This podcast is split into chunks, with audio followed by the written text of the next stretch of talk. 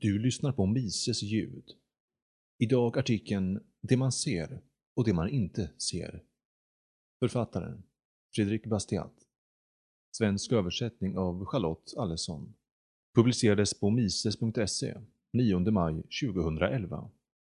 Inläsare Magnus hälsar dig välkommen. Det föreligger en förrädisk enkelhet i argumentationen bakom marknadsregleringar.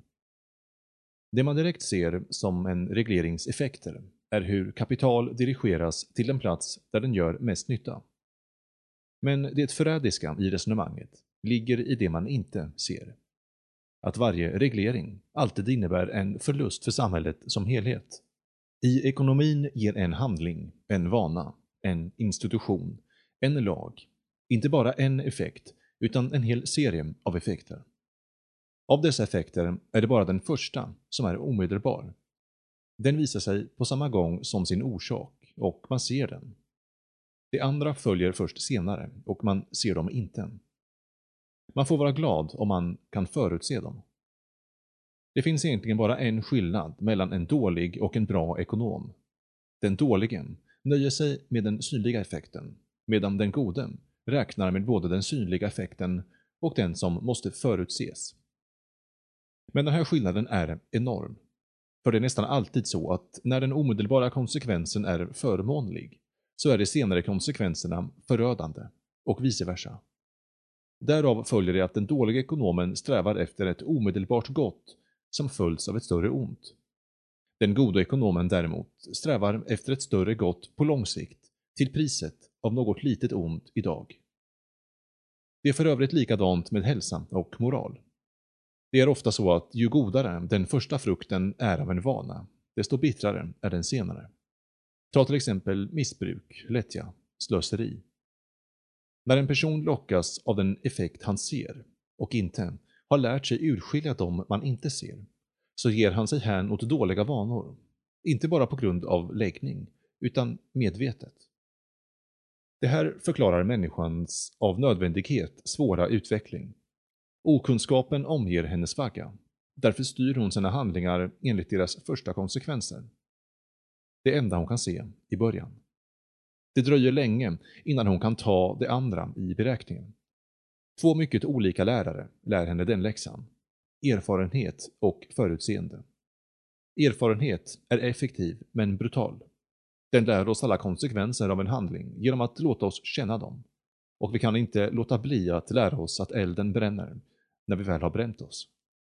Om möjlighet skulle jag vilja ersätta den här hårdare läran med en mildare, nämligen förutseendet. Därför ska jag undersöka några olika ekonomiska fenomen och deras synliga respektive osynliga konsekvenser. 1. Den krossade fönsterrutan. Har ni någonsin sett den gode medborgaren Jacques Bonhommes ilska när hans ohängde son har råkat krossa en fönsterruta? Om ni har sett den kalabaliken så har ni säkert konstaterat att alla närvarande, om det så är så många som 30, säger samma sak för att trösta den stackars ägaren av glasrutan.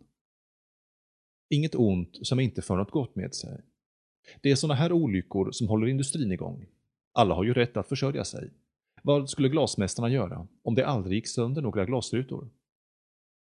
Bakom det tröstande talet ligger en hel teori som förtjänar att avslöjas i det här enkla fallet. Eftersom exakt samma teori tyvärr styr de flesta av våra ekonomiska institutioner. Anta att det kostar 6 francs att reparera skadan.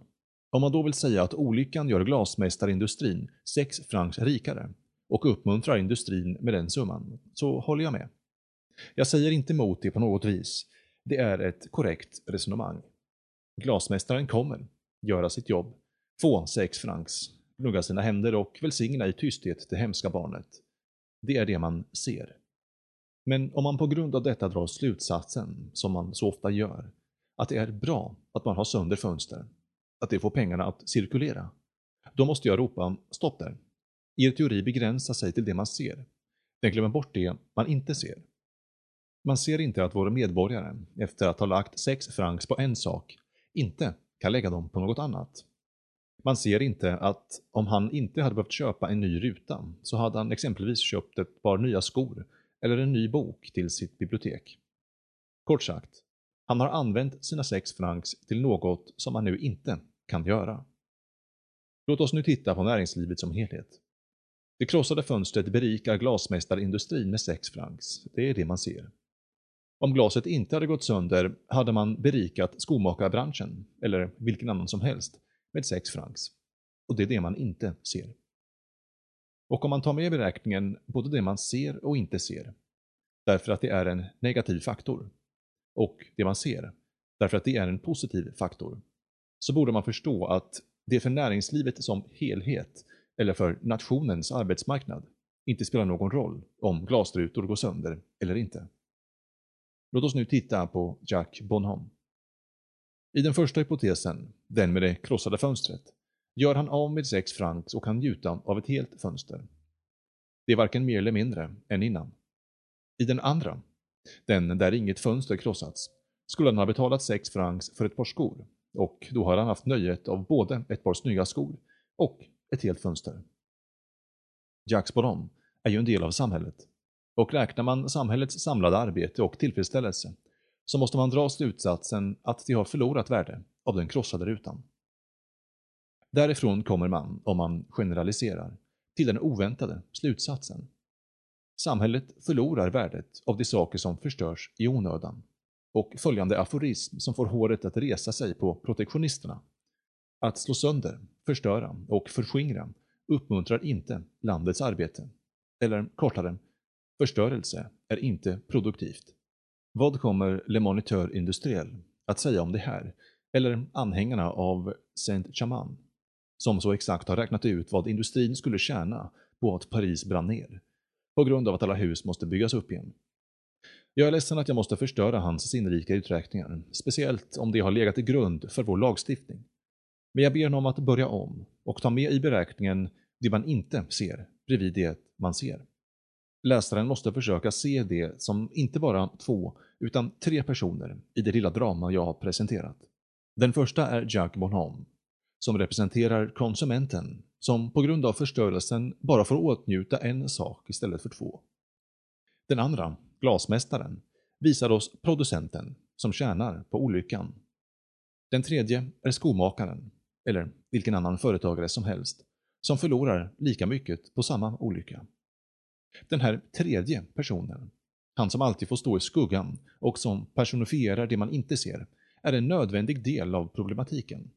Det är han som får oss att förstå hur absurt det är att se vinst i förstörelse. Han ska också snart hjälpa oss att förstå att det är lika absurt att se vinst i handelshinder, som ju egentligen inte är något annat än partiell förstörelse. Så om ni går till roten med alla argument för handelsrestriktioner kommer ni bara hitta parafraser på den vulgära klichén “Vad skulle glasmästarna göra om det aldrig gick sönder några glasrutor?” 2. Demobilisering Det är med folk som är individer. Om en person vill ha något är det hans ansvar att se till att det är värt vad det kostar. För en nation är säkerhet den största välsignelsen.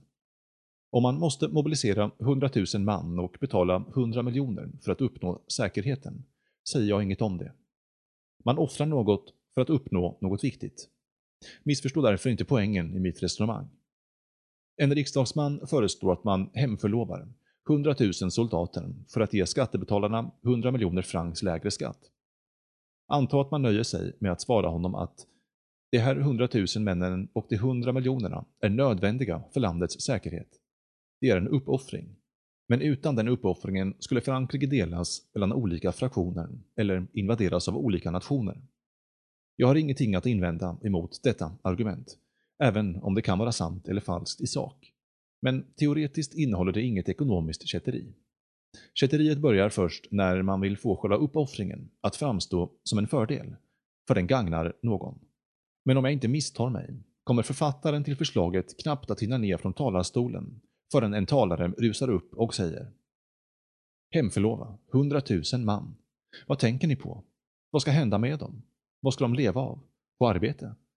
Men vet ni inte att det är arbetslöshet överallt? Att alla yrken har ett överskott? Vill ni kasta ut dem på marknaden för att öka konkurrensen och sänka lönerna? Nu när det är så svårt att förtjäna sitt dagliga bröd, är det inte lika bra att staten försörjer hundratusen individer? Och tänk på att armén konsumerar vin, kläder, vapen. Att den alltså ger sysselsättning åt fabriker i garnisonsstäderna. Och att den därför är rena gudagåvan för de oräkneliga leverantörerna. Darrarna inte av tanken på att stoppa denna väldiga industri. Det här talet förespråkar, som ni ser, att man har kvar 100 000 soldater. Inte för att soldaternas tjänst är viktig för nationen, utan av ekonomiska skäl. Det är dessa skäl jag vill förkasta. 100 000 man som kostar skattebetalarna 100 miljoner lever så väl och ger så mycket levebröd till sina leverantörer som 100 miljoner räcker till.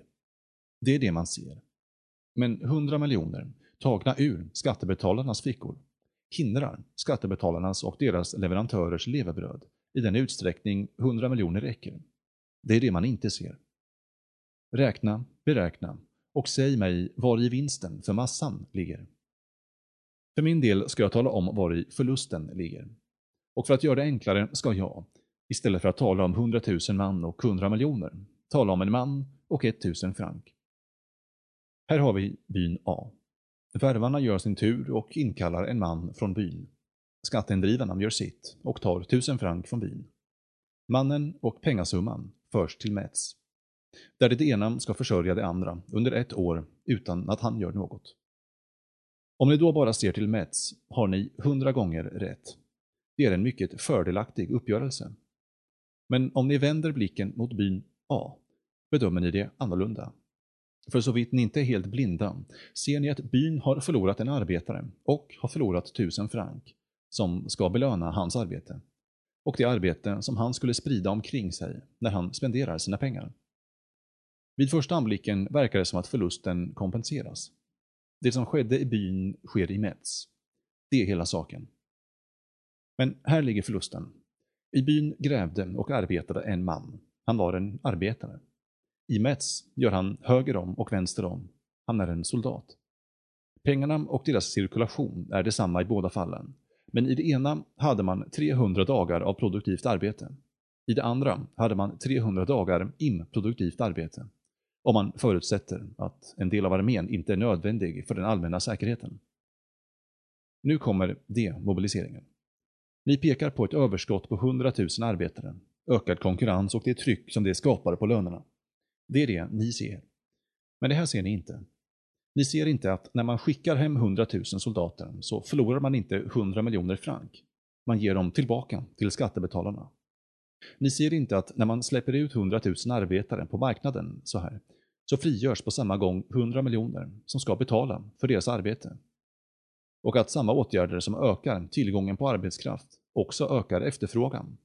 Därav följer att er sänkning av lönerna bara är illusorisk. Ni ser inte att det i landet finns 100 miljoner som motsvarar 100 000 man, före såväl som efter demobiliseringen. Hela skillnaden består i detta.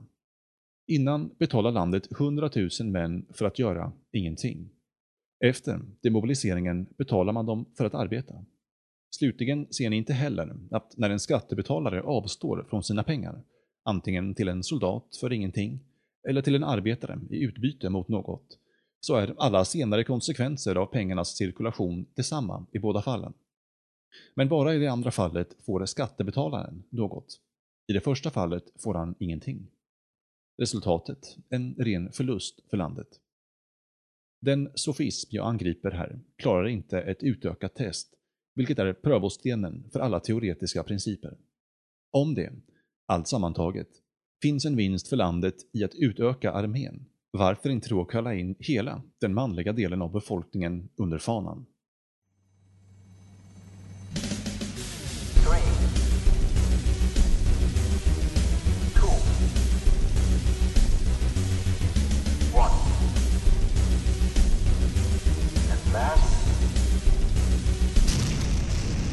Your trust in politics